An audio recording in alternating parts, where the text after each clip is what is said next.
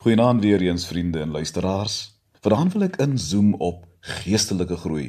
Dis nie juis 'n gewilde onderwerp nie, maar dis iets waarvoor ons almal persoonlike verantwoordelikheid moet aanvaar. So nie, gaan ons geestelike dwergies bly. The message praat van the diaper stage. En dis nou wanneer 'n ou nog nie geestelik gepotgetrein is nie.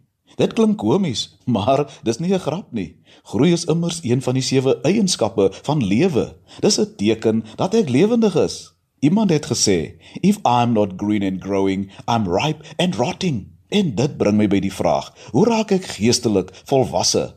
1 Petrus 2 vers 2 sê: "Verlang sterk, soos pasgebore kindertjies, na die onvervalste melk van die woord dat jy daardeur kan opgroei." Luisteraars, daar's geen ander spyskaart vir geestelike groei nie. Ek moet eenvoudig 'n onversadigbare aptyt vir God se woord hê.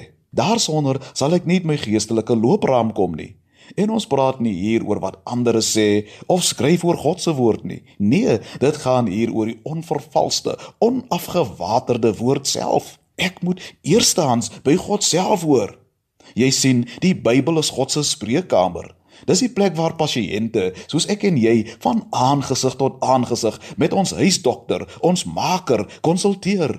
En niemand kan namens ons die inspuitings ontvang nie. Nee, ons moet in persoon daarvoor aanmeld. En wanneer ek 'n persoon vir God in die bladsy van die Bybel ontmoet, leer ken ek hom beter. En dis waarvoor apostel Paulus sonder uitsondering in al sy sendbriewe bid dat ons oorvloedig mag word in kennis, dat ons die gees van wysheid en openbaring in kennis van God mag hê, want dis hoe ons geestelik groei. Ek onthou die liedjie wat ons in die kleuterskool gesing het. Lees jou Bybel, bid elke dag en jy sal groei, groei, groei.